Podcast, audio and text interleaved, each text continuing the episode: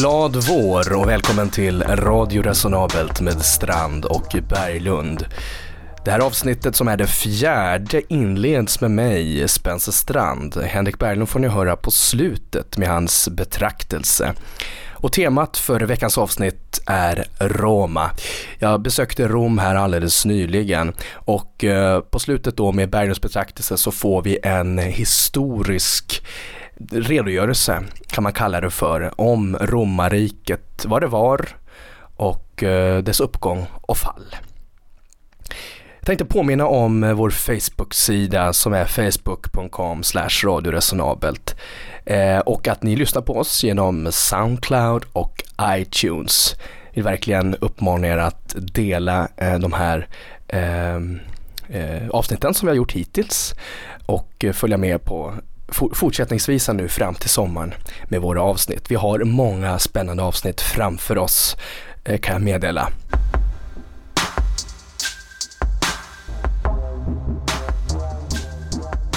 Till tonerna av O Sole Mio och Pavarottis enorma stämma landade jag på Leonardo da Vincis flygplats i Italiens huvudstad Rom. Jag hade bokat en lägenhet tillsammans med en dansk släkting som jag åkte med och den låg intill Pantheon. Eh, och det hette då Piazza della Minerva för att vara helt precis. Och det här var första gången jag någonsin skulle besöka Italien och likaså Vatikanstaten. I taxin från flygplatsen mot centrum som tog cirka eh, 40 minuter såg jag från fönstret första gången Sankt Peterskyrkan i sin strålglans om aftonen strax innan vi åkte över floden Tibern.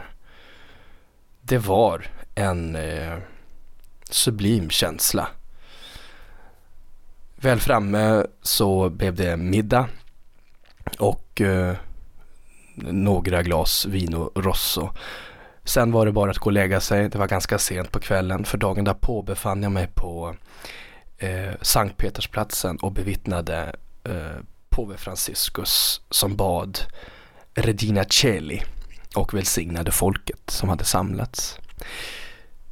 För att träda in i Vatikanstaten eh, så fick man gå igenom en process eh, likt en säkerhetskontroll på en flygplats.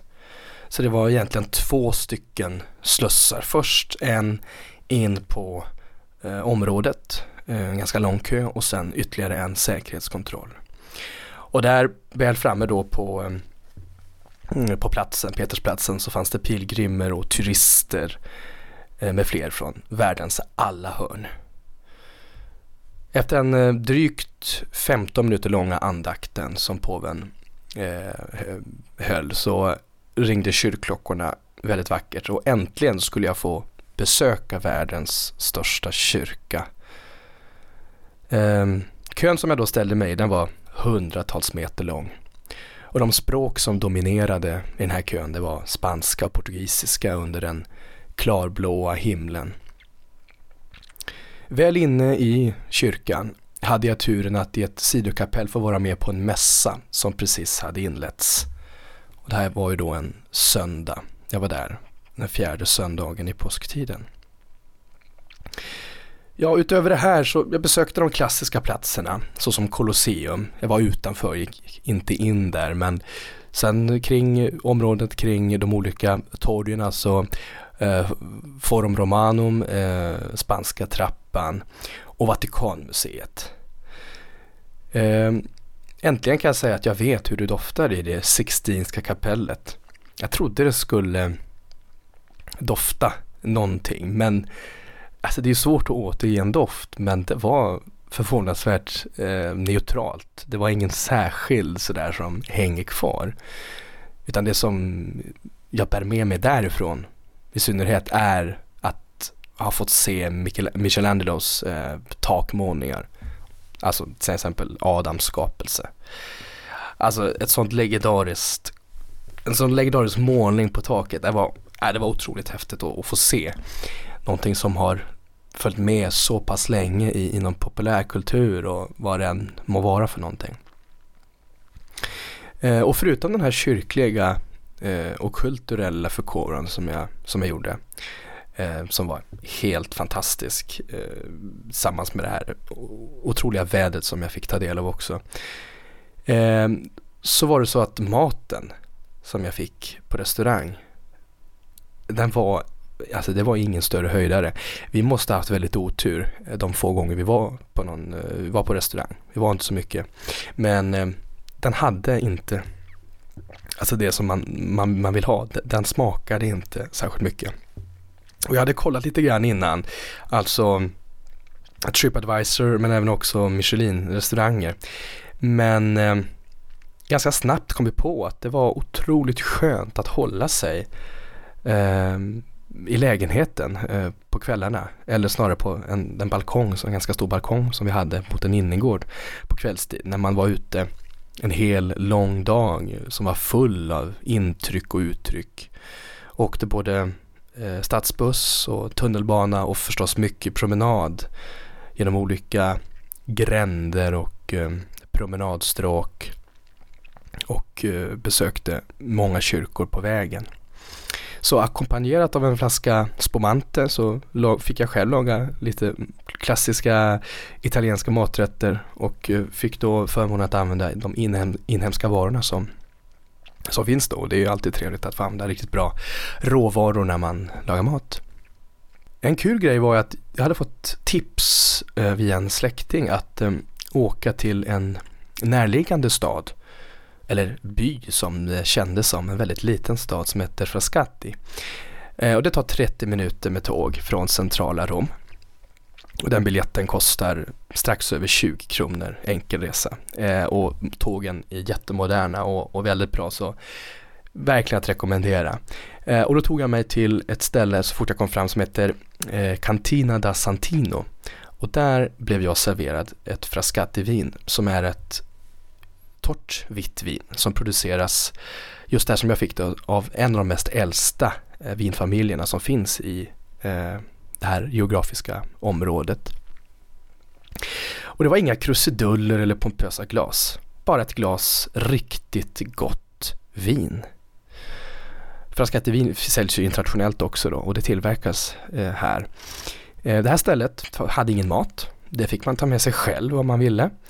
Eh, och det gjorde en stor grupp italienare eh, som eh, kom in. När jag kom in där var det helt tomt men sen kom de och de var ute på någon form av exkursion.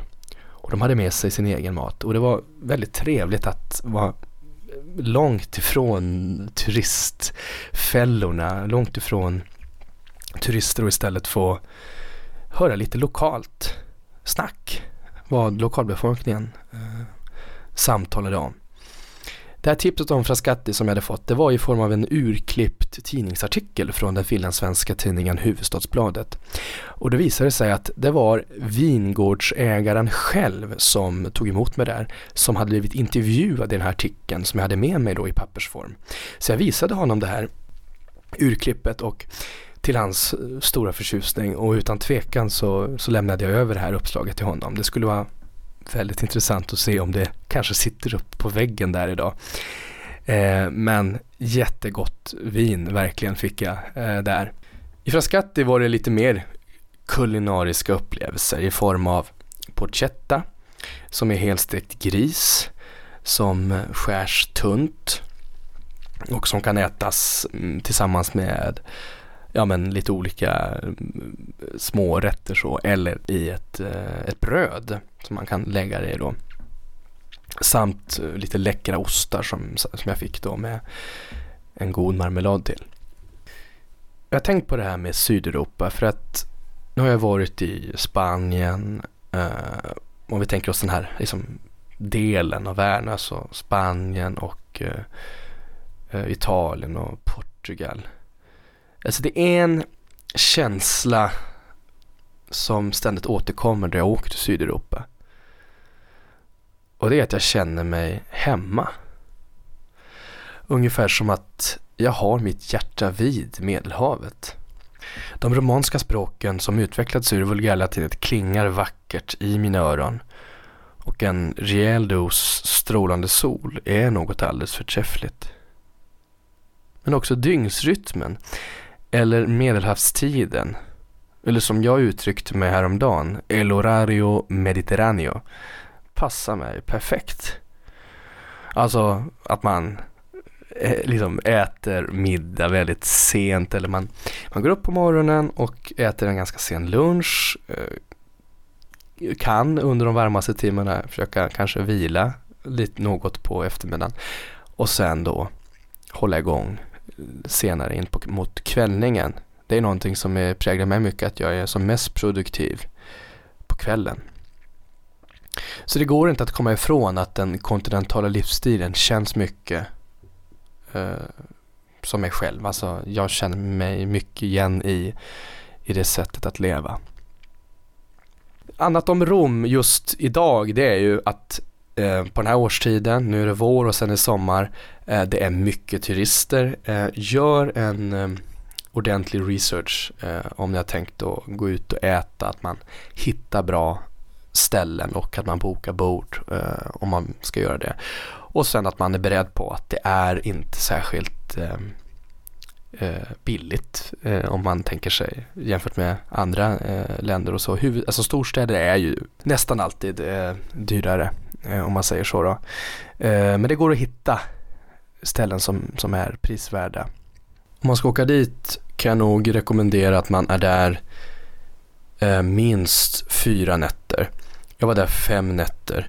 Jag tror dock att en vecka eller mer, ja eller egentligen ännu mer behövs för att få fullt ut eh, uppleva det som finns. Ska man verkligen göra det behöver man nog vara där flera månader. Men jag skulle nog säga för liksom normalt turistande och för att få upplevelser cirka fem nätter är är bra eh, rent tidsmässigt att åka till Rom.